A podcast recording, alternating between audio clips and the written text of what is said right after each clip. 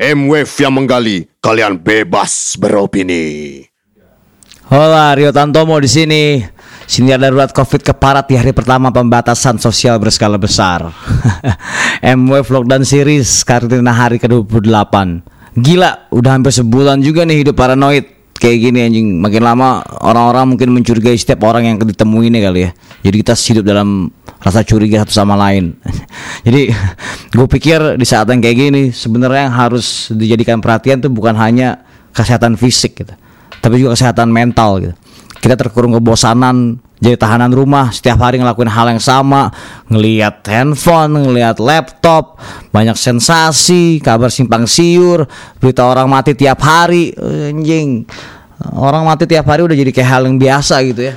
Maksud gue Glenn Fredly kemarin mati gitu tapi sebelumnya ada 18 dokter mati gara-gara covid dan tercatat di baru 20 menit terakhir gue liat di WHO nih uh, orang mati gara-gara covid digerogotin di Jakarta berjumlah 306 orang. Oh, yang mungkin sebagiannya adalah kerabat dan keluarga uh, terdekat lo ya. Anjir, maksudnya pertanyaan gue kenapa sih yang mati Glenn Fredly bukan Setia Novanto? uh, mungkin bukan aneh gitu ya. Tapi pertanyaannya nggak bisa dijawab, udah pasti tuh. Dulu gue juga berpikir hal yang sama ketika Ruli Anash, drummer The Brandals dan Denny Sakri itu wartawan musik senior uh, mati juga tuh, mungkin 4 tahun lalu gitu. Hah. Jadi bersiaplah untuk kemungkinan terburuk nih. Siapin mental lo anjing. Bisa jadi skenario nya lebih jauh dari dugaan kita. ya surreal sih sebenarnya. Sebenarnya gue berpikir ini mungkin yang namanya era pra apokalips nih. Ya belum apokalips tapi kita menyongsong terwujudnya apokalips. Mungkin yang selamat yaitu ya distopia itu dia. Kayak film-film atau novel yang kita konsumsi sih sebenarnya. Jadi jadi kenyataan gitu apa yang lo baca sekarang lo hidupi itu lucu gak sih? Lo lihat aja sekarang nih. Kutub utara mencair terus hutan dibabat anjing bebasan individu nggak ada juga. Salah satu hal yang paling efektif nih gue baca kemarin untuk mencegah perpindahan dan penyebaran virus corona ini adalah dengan memasang monitor terhadap person to person itu dilakukan sama Korea Selatan kemarin jadinya pemerintah bisa tahu apa pun yang dilakukan oleh warga-warganya. Ya secara dalam kasus COVID mungkin benar tapi untuk ke depannya itu yang kita pikirin. Jangan-jangan ini gejala-gejala totalitarian nih. Ujung dari semua kekacauannya adalah cita-cita tersebut gitu ya. Entah itu dari seorang konglomerat kali atau misalnya politikus atau Illuminati. Ada masanya nanti mungkin kita hidup kayak di zaman Orwellian. Anjing. Mungkin nggak sekarang tapi lu udah bisa merasakannya lah secara langsung nggak langsung. Pelan pelan akan terjadi tau gak lo? Coba aja deh. Siapa di sini yang nggak pakai handphone? Lo deh. Nggak ada men orang yang nggak pakai handphone itu cuma orang gila atau sinting dan mereka yang bisa bebas dari cengkraman big brother tanda kutip tuh ya big brother kalau lo mau ngomongin distopian nih ya itu tadi skenario fiksi dari novel George Orwell 1984 ketika pemerintah memata-matai uh, individu warga negaranya. Mereka bisa tahu apa yang ada dalam kepala mereka, niat mereka bahkan sebelum dilakukannya. Gila. Itu lo di penjara anjing dari dari dalam pikiran gitu. Ada juga Aldous Huxley. Dia bikin novel berjudul uh, Brave New World. Eh, di situ manusia ditempatkan sebagai makhluk produk yang dibuat di pabrik, bukan dilahirkan. Dalam artian kayak plastik gitu loh. Sehingga mungkin ketika berada di era itu makna kata manusiawi atau kemanusiaan telah berubah. Mungkin sekarang juga udah bisa berubah sih. Eh, ya ujung-ujungnya distopia itu selalu membawa kefrustrasian buat kita.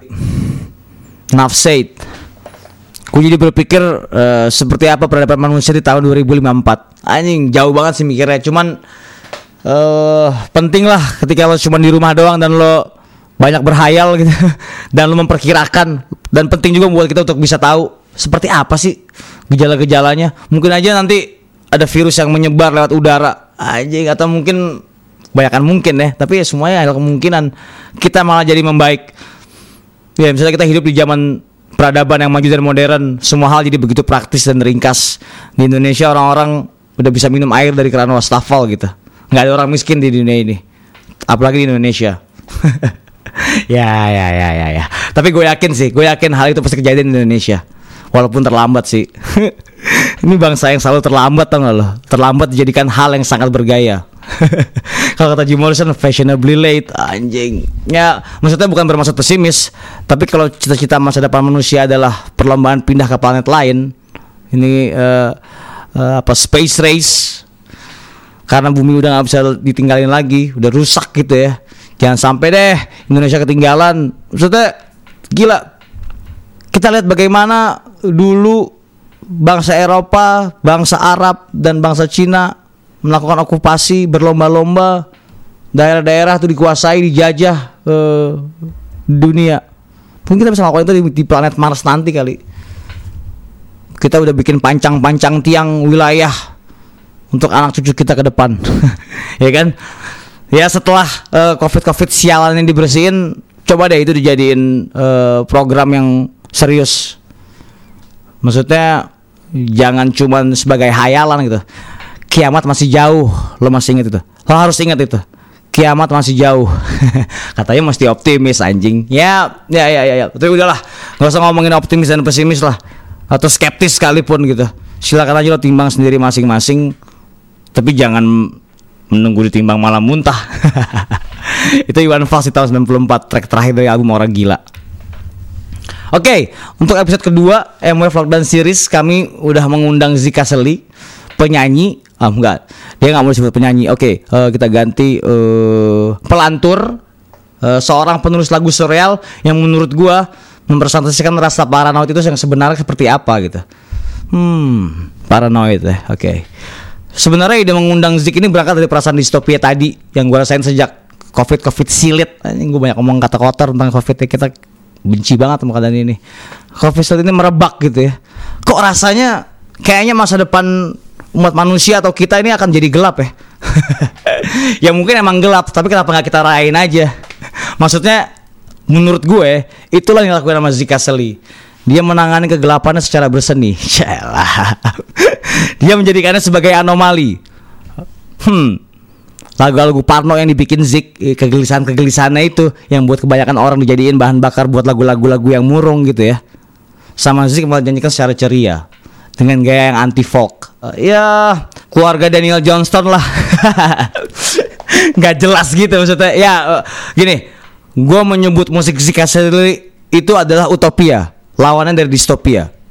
Maksudnya Zik selalu punya hayalan yang tidak berakhir dengan hal-hal yang absurd kepalanya itu yang kita sendiri nggak ngerti. Mungkin ada apa ya operate boneka gitu atau karnaval yang backwards atau ada kodok yang bisa ngomong sama manusia. Kagak nyambung. Yang namanya juga surreal ya kagak nyata lah anjing. Dan gua udah mengkonfirmasi itu ketika gua kemarin ngobrol sama Zik ya. Dan dia ngakuinya. Dia bilang emang lagu-lagunya berasal dari ilusi. Uh, dia suka mencatat khayalan lah kasarnya gitu. Bahkan dia juga bilang dia punya koleksi jurnal mimpi tidur. Anjing kalau lo mengambil ide atau mimpi itu adalah uh, sumur bagi lagu-lagu lo yang nggak akan habis. Setiap lo tidur lo akan mengalami hal yang berbeda terus setiap hari. Dan ketika lo bisa menerjemahkannya, eksperimen itu tidak berbatas jadinya. Setelah akhirnya nggak heran kalau lagu-lagunya itu dikelilingi oleh hal absurd yang jangankan kita mungkin dia sendiri pun nggak ngerti oke oke okay, okay. tapi uh, gue pernah uh, dikasih saran nih sama seorang pendeta. Ya kalau lo ingin tahu seperti apa uh, isi kepala orang yang tidak bisa mengungkapkan hmm, perasaannya secara baik coba deh lo tanya apa buku yang sedang dibacanya saat ini? Oke okay, akhirnya gue tanya sama Zik. Dia jawabnya uh, Notes from the Underground. Itu uh, Fyodor Dostoyevsky yang nulis uh, sastrawan Rusia. Gue udah pernah baca buku itu uh, dua kali versi Inggris dan eh, Indonya. Dan sekarang gue mau baca ini paragraf pembuka novel itu supaya lo bisa nangkep atau enggak paling enggak menerka-nerka lah temperamen dari spesies yang satu ini nih. Oke, okay. Notes from Underground uh, dirilis tahun 1864. Ini gue bacain versi Indonesianya diterjemahkan oleh um, Asrul Sani. Aku orang sakit, aku orang pendendam, aku orang yang tidak menarik. Aku yakin hatiku mengidap penyakit. Sungguh pun begitu, aku tidak tahu apa-apa tentang penyakitku dan tidak tahu pasti penyakitku yang sebetulnya. aku tidak pernah minta nasihat dokter. Biarpun aku cukup menghargai ilmu kedokteran dan para dokter. Di samping itu, meski aku amat percaya pada tahayul, namun aku cukup menghormati ilmu kedokteran. Pendidikanku cukup baik untuk jadi orang yang penuh tahayul. Tapi sungguh pun begitu, aku percaya tahayul. Tidak, aku menolak menemui dokter karena perasaan kesalku. Itu Anda tentu tidak akan mengerti, tapi aku mengerti. Tentu saja, aku tak bisa menjelaskan siapa orang yang membuat aku sekarat dalam keadaan kesal ini. Oke, Zik bakal mainin tiga lagu dan dia akan mengisahkan ceritanya masing-masing. Jadi kalau tadi itu petunjuk uh, dari Dostoyevsky silakan lo terjemahkan masing-masing di uh, lagu yang akan dibawain. Yang pertama itu uh, Ghost Cells itu dari lain band seminal yang udah bubar. Ini lagu dari salah satunya album mereka di tahun 2001 Jakarta Goodbye. Yang kedua itu dari album solo dia Fall in Love with the Wrong Planet Julius Jim dan yang terakhir, ini lagu baru, paling baru dari Zik and the Popo. Yang versi aslinya sebenarnya direkam dengan megah kata Zik. Ya ada 8 orang di sana, Miantiara jadi vokalis. Tapi kali ini dimainin sendirian sama Zik, pakai piano. Judulnya Floating Brain. Nah, bicara Zik and the Popo, gue nggak bisa nggak ngomong ini. Ini komentar terakhir gue nih, sebelum kita denger Zik main. Menurut gue, Zik and the Popo itu adalah perpaduan antara keanehan, melodi, dan rasa pahit. Anehnya itu datang dari Iman Fatah main gitar ya. Melodinya itu datang dari Zika Seli, dia, dia pemain piano, kadang gitar dan penyanyi. Sorry, pelantur. dan uh, rasa pahit itu datang dari Leo. Uh, itu emang keahlian dia tuh, the king of bitterness. Ya, seabsurd-absurdnya Zik, dia selalu bisa terdengar melodius. Menurut gua, Zik and the Pop itu adalah kombinasi anxiety yang tepat. Weird scene inside the gold mine. Oke, okay, harusnya ini jadi senior lockdown series yang terakhir ya. Gue selalu ngomong kayak gitu biar pandemi ini cepat kelar tau gak lo. Dan kita semua bisa hidup dengan tenang lagi. Salut buat tenaga medis di garda depan. Jaga keselamatan kalian. Teruslah berkontribusi dan tetaplah bernafas. Kita harus jadi bagian dari manusia yang selamat. Penyintas pandemi. Hantam COVID 2020.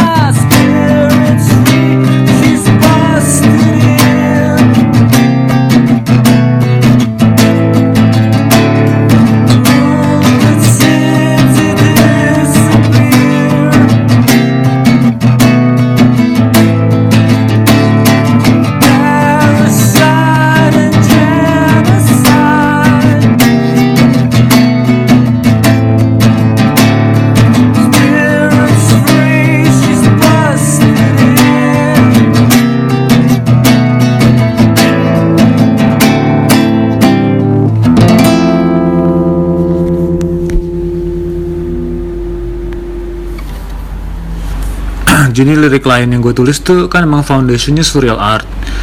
Yang intinya tuh mengkombinasikan bahasa juga artinya. Dan kalau di lain tuh semua lagu kan tulis dalam bahasa Inggris. Uh, jadi contohnya tuh kayak ada lagu Traffic Lights Are Blue ditulis Ambition. Udah gitu ada lagu uh, Train Song. Some thought can sing, some thought can swim Some thought just sit, sit by the sea, waving goodbye. Nah itu lagu-lagu yang Yang apa ya, yang emang Gak segampang itu untuk gak seliteral itu aja Semua tuh ada Ada Ada kejanggalannya gitu loh. Uh, dengan thought bisa waving goodbye dan juga kayak traffic lights are blue tadi kan. Dan di go, go sell tuh um, kata-katanya kan cloning with a go sell gitu. Jadi uh, cloning with a go sell tuh kayak ya lagi-lagi itu hanya hanya thoughts gue aja gitu loh. Hanya apa ya sesuatu yang yang gue bayangin aja bukan kenyataan gitu. Bukan existence. Cuma di, di momen uh, di di zaman lain itu buat gue sangat uh, apa ya sangat menantang dan challenging dan juga buat gue itu dasarnya kesukaan gue gitu. Dasarnya kenapa gue nulis nulis gitu loh. Soalnya gue suka sama surreal art gitu.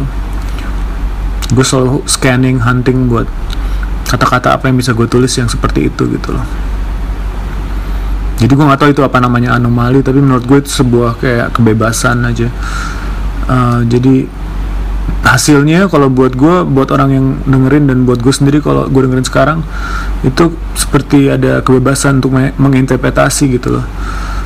Uh, itu jadi sebuah kayak predikat predikat buat artnya buat buat seni liriknya.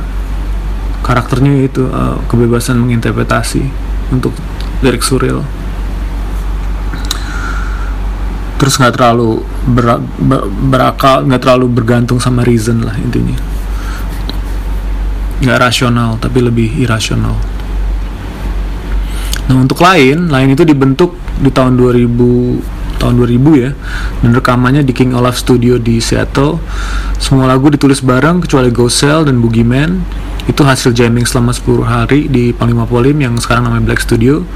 Kita pulang ke Jakarta itu tahun 2002 dan 2003 terus kita launching perdana di Gedung 28 uh, eh, waktu itu lain tuh usianya pendek karena waktu itu kayaknya pernah ada experience gue yang uh, dengan anak-anak bandnya juga. Kita punya apa creative differences gitu ya. Kita visi bandnya beda gitu. Kalau gue arah musiknya mau karena gue banyak main sama lingkungan bibis gue juga buat gue itu sangat berpengaruh di saat zamannya. Dan gue mau masukin lebih unsur pangnya gitu dan sedikit anti folk gitu. Dan gue mau ada bahasa Indonesia juga yang nyeleneh gitu. Uh, tapi bandnya tetap keinginannya bahasa Inggris jadi nggak sesuai sama visi gue waktu itu. Dan akhirnya gue ketemu Leo dan uh, lebih ya one apa one thing led to another gue akhirnya ngebentuk Zik and the Popo bareng berdua Leo. Kalau mengenai influence lain uh, lucunya gue nggak merasa kita terpengaruh sama band Seattle ya. Uh, walaupun kita mulainya di kota itu gitu.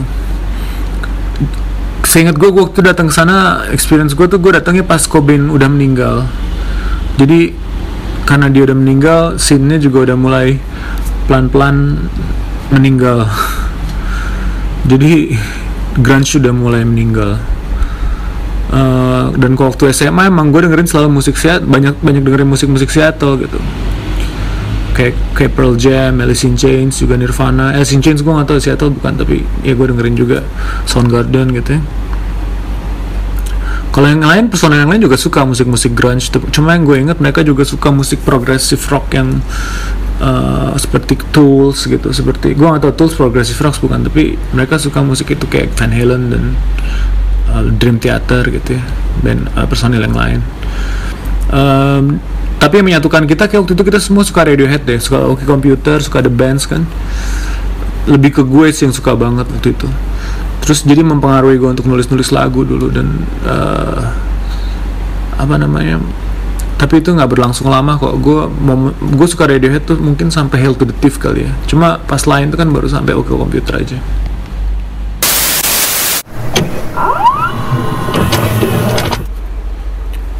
na na na na na na na na na na na come on boys come on girls you have the power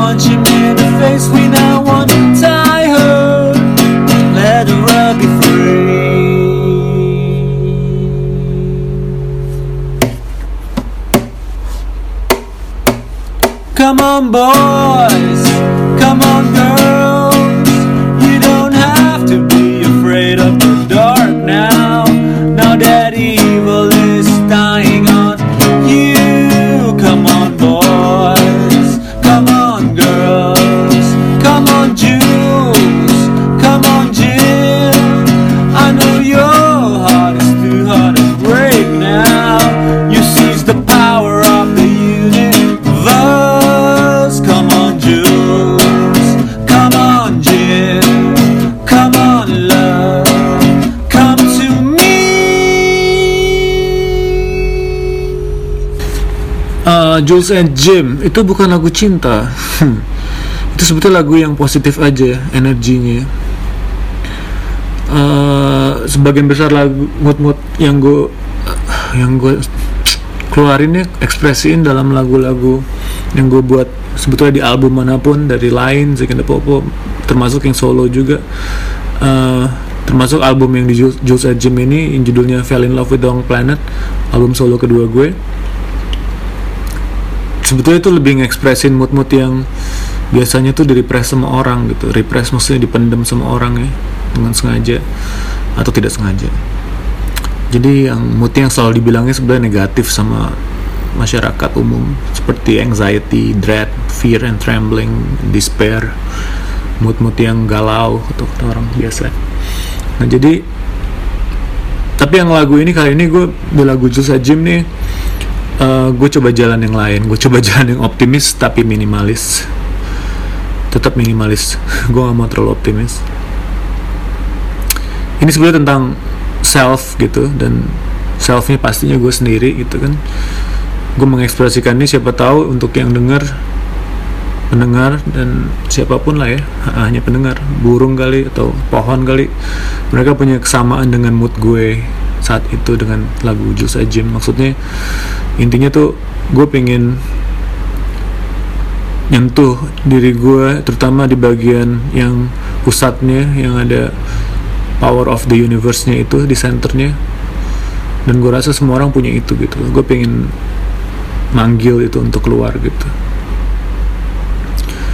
Oke, terus eh, kalau mengenai pengaruh mus, pengaruh film gue, film di musik gue, gue tuh nggak terlalu gunain otak banget untuk menghubung-hubunginya, lebih gemutnya lagi gitu loh. Jadi kalau Jules and Jim ini kan lagu yang temanya love triangle, terus juga settingnya di tahun di zaman Perang Dunia Pertama ya, karyanya Truf- Truffaut nih. Dan gue cuma dapetin kisah cinta mood kisah cinta di era di era perang dunia satu itu gitu dan pengalaman mereka aja sih eh, tentang love triangle-nya mereka itu Eh, dan karakter yang beda-beda dengan perempuannya yang bebas ya kan? Eh, kayaknya pas aja gitu si lagu Jules Jim ini happy apa nggak happy ya? Cuma kayak mengekspresikan apa ya? Ya tadi itu positif energinya pas gitu. Eh kalau mengenai produktivitas gue nggak anggap diri gue produktif sih ya gue nggak pingin sebetulnya gue kadang-kadang nganggep lah pastinya manusia kan. Cuma gue nyadar juga kalau gue nya kalau gue diem terus gue step back dari apa yang gue lakuin terus gue analyze apa hidup gue gitu ya. Apa yang gue perbuat gitu. Kayak sebetulnya itu kayak trap gitu. Gue tuh nggak mau masuk ke perangkap itu. Gue maunya selalu bereksperimen sampai sekarang sampai di saat gue lagi ngomong ini. Dan gue nggak mau takut bosen gitu loh untuk bikin musik baru gitu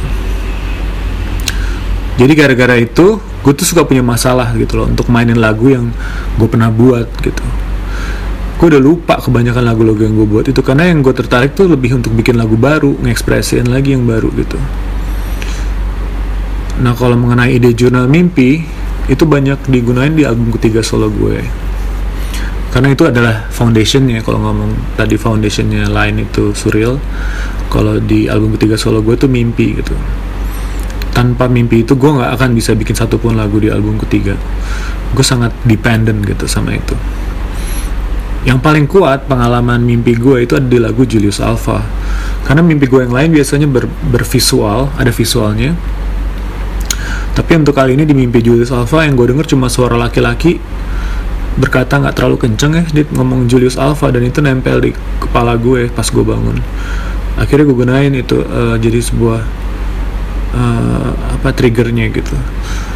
Tapi gue ingat abis itu gue mimpi lagi lucunya mimpinya pas dengan dengan Julius Alpha itu gue julu, mimpi berikutnya itu yang gue ingat gue mimpi uh, tentang pengalaman di mimpi berikut gue tuh kayak berada dalam sebuah meeting rahasia dan itu ada di sebuah rumah pantai di tempat yang seperti Bali gitu yang uh, pulauan gitu. Dan akhirnya pokoknya long story short akhirnya tuh uh, terjadi sebuah kayak apa ya situasi yang kacau gagal uh, meeting rahasianya itu dan gue mesti mesti kabur dikejar-kejar sama penjahat di tempat itu kan. Kira gue berhasil kabur di tengah-tengah gue lagi kabur dikejar mereka gue berubah lari pas lagi lari jadi harimau kumbang. Semua tuh ada di liriknya Julius Alpha kalau lo mau denger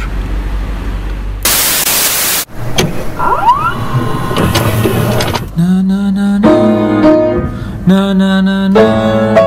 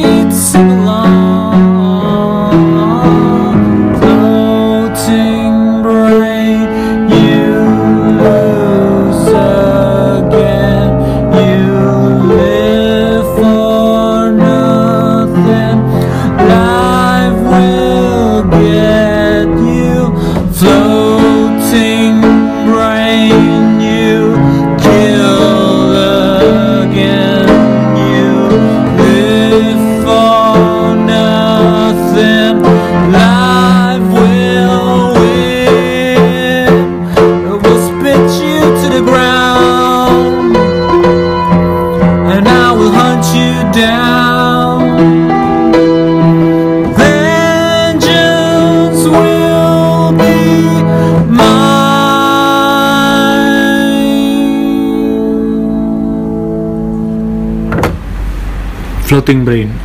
Um, yang gue inget waktu itu kita lagi latihan persiapan buat konser. Uh, waktu itu lagi jeda. Terus Yosa main gitar, Yosa Viano main gitar. Uh, terus gue isi pas Jos lagi main gitar itu dengan piano em, sama vokal. Kedengarannya menarik nih gitu kan. Terus gue rekam. Besoknya gue sama Yosa ada sesi berdua ngegarap lagu itu sampai jadi sekitar dua setengah menit. Terus begitu lagu itu udah siap untuk di apa dioper ke anak-anak yang lain untuk diisi masing-masing yang untungnya mereka semua udah eh, lumayan apa ya skilled dengan apa dengan kemampuan mereka gunain laptop untuk bikin lagu. Surprisingly karena gue gue dalam waktu mereka kan ternyata mereka sering udah pada biasa dengan cara itu. Dengan enam anggota band lainnya itu. Mereka ngisi semua terus semua kayak ngumpulin PR ke Yosa lagi terus kita dengerin hasilnya. Terus gue wow kok bisa gini? gitu. Gue kayak amazed aja sama prosesnya. Dan nggak ada ketertarikan sih sebetulnya sama apa teknologi teknologi itu. Kalau gue pribadi pengalaman itu lebih kayak karena keadaan memaksa aja. Apa istilahnya eh, mau nggak mau ya. Terus em, tapi hasilnya baik dan so far ya menurut gue itu kesayangan gue banget lagu itu. Karena karena membuatnya bers- bersama dengan 8 orang yang habis ngalamin eh, sedikit kekecewaan tidak bisa live gitu. Yang udah latihan selama sebulan kan. Terus kita bikin lagu bareng terus eh, lagunya juga buat gue personal banget karena sesuatu yang gue yakinin banget untuk saat-saat ini tentang keberadaan gue di dunia ini lagunya tentang ya gue nggak bisa cerita sih mungkin lo lihat lihat baca liriknya aja dan bisa interpretasiin sendiri. Eh, mengenai kesepakatan kita akhirnya untuk tidak manggung. Akhirnya kita bikin pre-recorded ini. Itu bukan keputusan yang gampang pastinya. Gue merasa sedih sampai sekarang bahkan. Em, karena buat gue kalau personally kalau gue ngambil keputusan kan itu berarti ada sesuatu yang gue korbanin dan yang dikorbanin itu kan ninggalin sebuah entah mau dibilang luka atau sesuatu ya Uh, which is dalam hal ini ya nggak bisa bermain musik di apa di tempat main yang yang seharusnya yang ada yang ada orang-orang yang yang bisa berinteraksi yang orang-orang yang emang bagian daripada ekosistem juga gitu.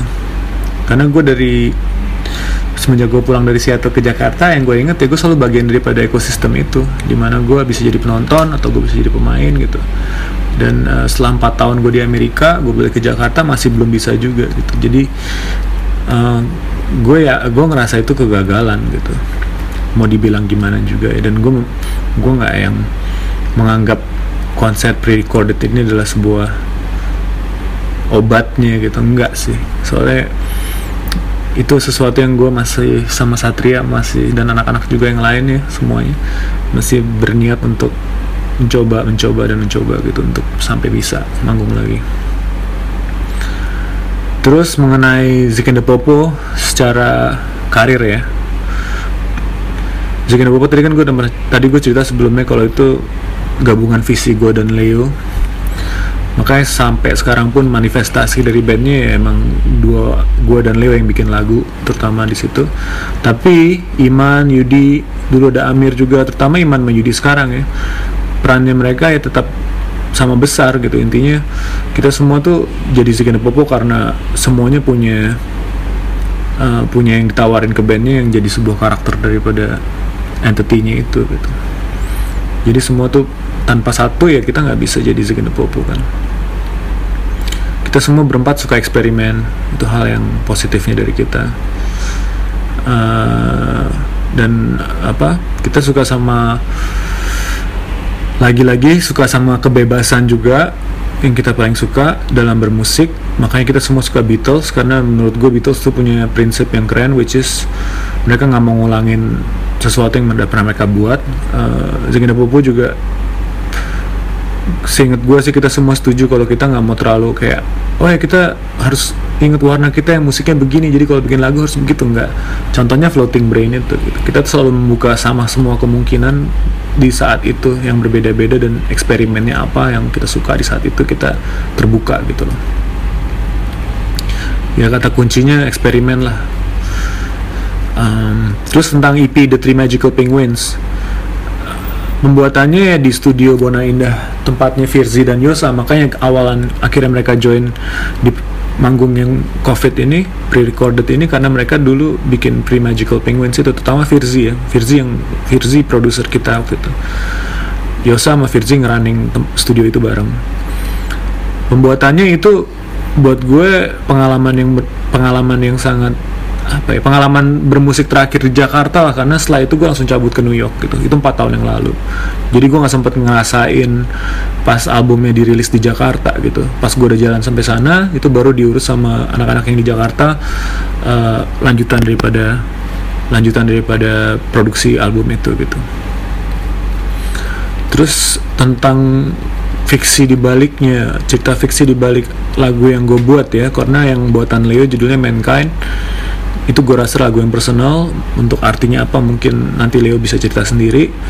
Atau mungkin lo bisa artiin apa lo punya waktu untuk ngartiinnya terus eh, kalau gue sendiri lagu Alicia itu dari film fiksi. Fiksi itu filmnya Mauli Surya. Itu film pertama film kedua gue yang gue music directing.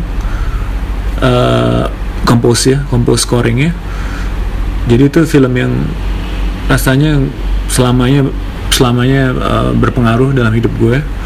Terus eh, ada satu lagu yang nggak sempet gue jadiin which is lagu Alicia itu. Dan eh, anak-anak sempet gue kasih denger kan tema lagunya. Terus gue gue pengen jadiin aja sih intinya lagu itu. Eh, lagu itu sama seperti fiksi juga filmnya ada ada unsur-unsur Alice in Wonderland-nya Lewis Carroll Alice in Wonderland terutama di bagian akhir lagu itu moodnya juga seperti itu ya kan? Eh, kemudian ada unsur mimpinya karena ada mimpi gue ketemu sound girl yang di studio dan itu dimasukin ke lirik dan nada-nadanya juga playful seperti itu seperti mimpi dan eh, ada unsur personalnya juga yang gue nggak bisa ceritain. Lo harus dengar sendiri dan mungkin lo interpretasi aja gitu. Gue nggak gue nggak mau terlalu apa ya kasih clue-clue juga. Bukan itu lah ujung-ujungnya lagu bukan tentang itu kan. Lagu itu kan cuma cuma untuk didengar secara nggak usah mikir gitu. Terus eh, kalau lagu Charlie itu usaha gue untuk berusaha nembus sebuah dimensi lain dengan lagu. Jadi ada ada sedikit kalau term yang yang nggak gue nggak sukanya tuh istilahnya met- metaphysical. Ada sebuah apa ya eh, existence yang yang yang apa yang bukan yang sama sekali nggak bergantung sama rasional sama reason gitu loh. Yang yang yang lo nggak tahu dapetnya dari mana. Sama kayak mimpi juga sih cuma ini lebih apa ya ini nggak ada unsur mimpinya cuma lebih eh, lebih banyak keanehan-keanehan aja sih daripada pengalaman hidup gue waktu gue nulis ini Charlie. Dan akhirnya pun terakhir di konser yang kita bikin itu lagu yang paling gue suka justru kita bawa ini karena itu set the tone banget di awal di awal konsernya. Dan itu lagu yang kayaknya satu band tuh jadi satu ya di lagu itu menurut gue nah yang terakhir apakah akankah Zack and the Popo jadi lebih sering manggung nantinya abis ini? Ya gue harap sih gitu. Cuma again kemarin aja juga kita udah bencana higher power ketawa kan.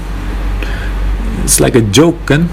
Jadi gue sih nggak yang kayak semua ada artinya everything happen for a reason yang gitu-gitu ya buat gue semua ada artinya buat subjektivitas manusia orang-orang dan gue bukan orang yang kayak gitu. Jadi gue kayak gue kayak lebih apa ya ya gue nerima sih. Cuma uh, sem- semua yang sakit-sakitnya buat gue tuh bagian dari kehidupan kenyataan bukan hal yang harus di mungkin jadi bisa bikin lagu gara-gara ini gitu loh. Bukan hal yang harus dianggap oh semua baik-baik aja nggak.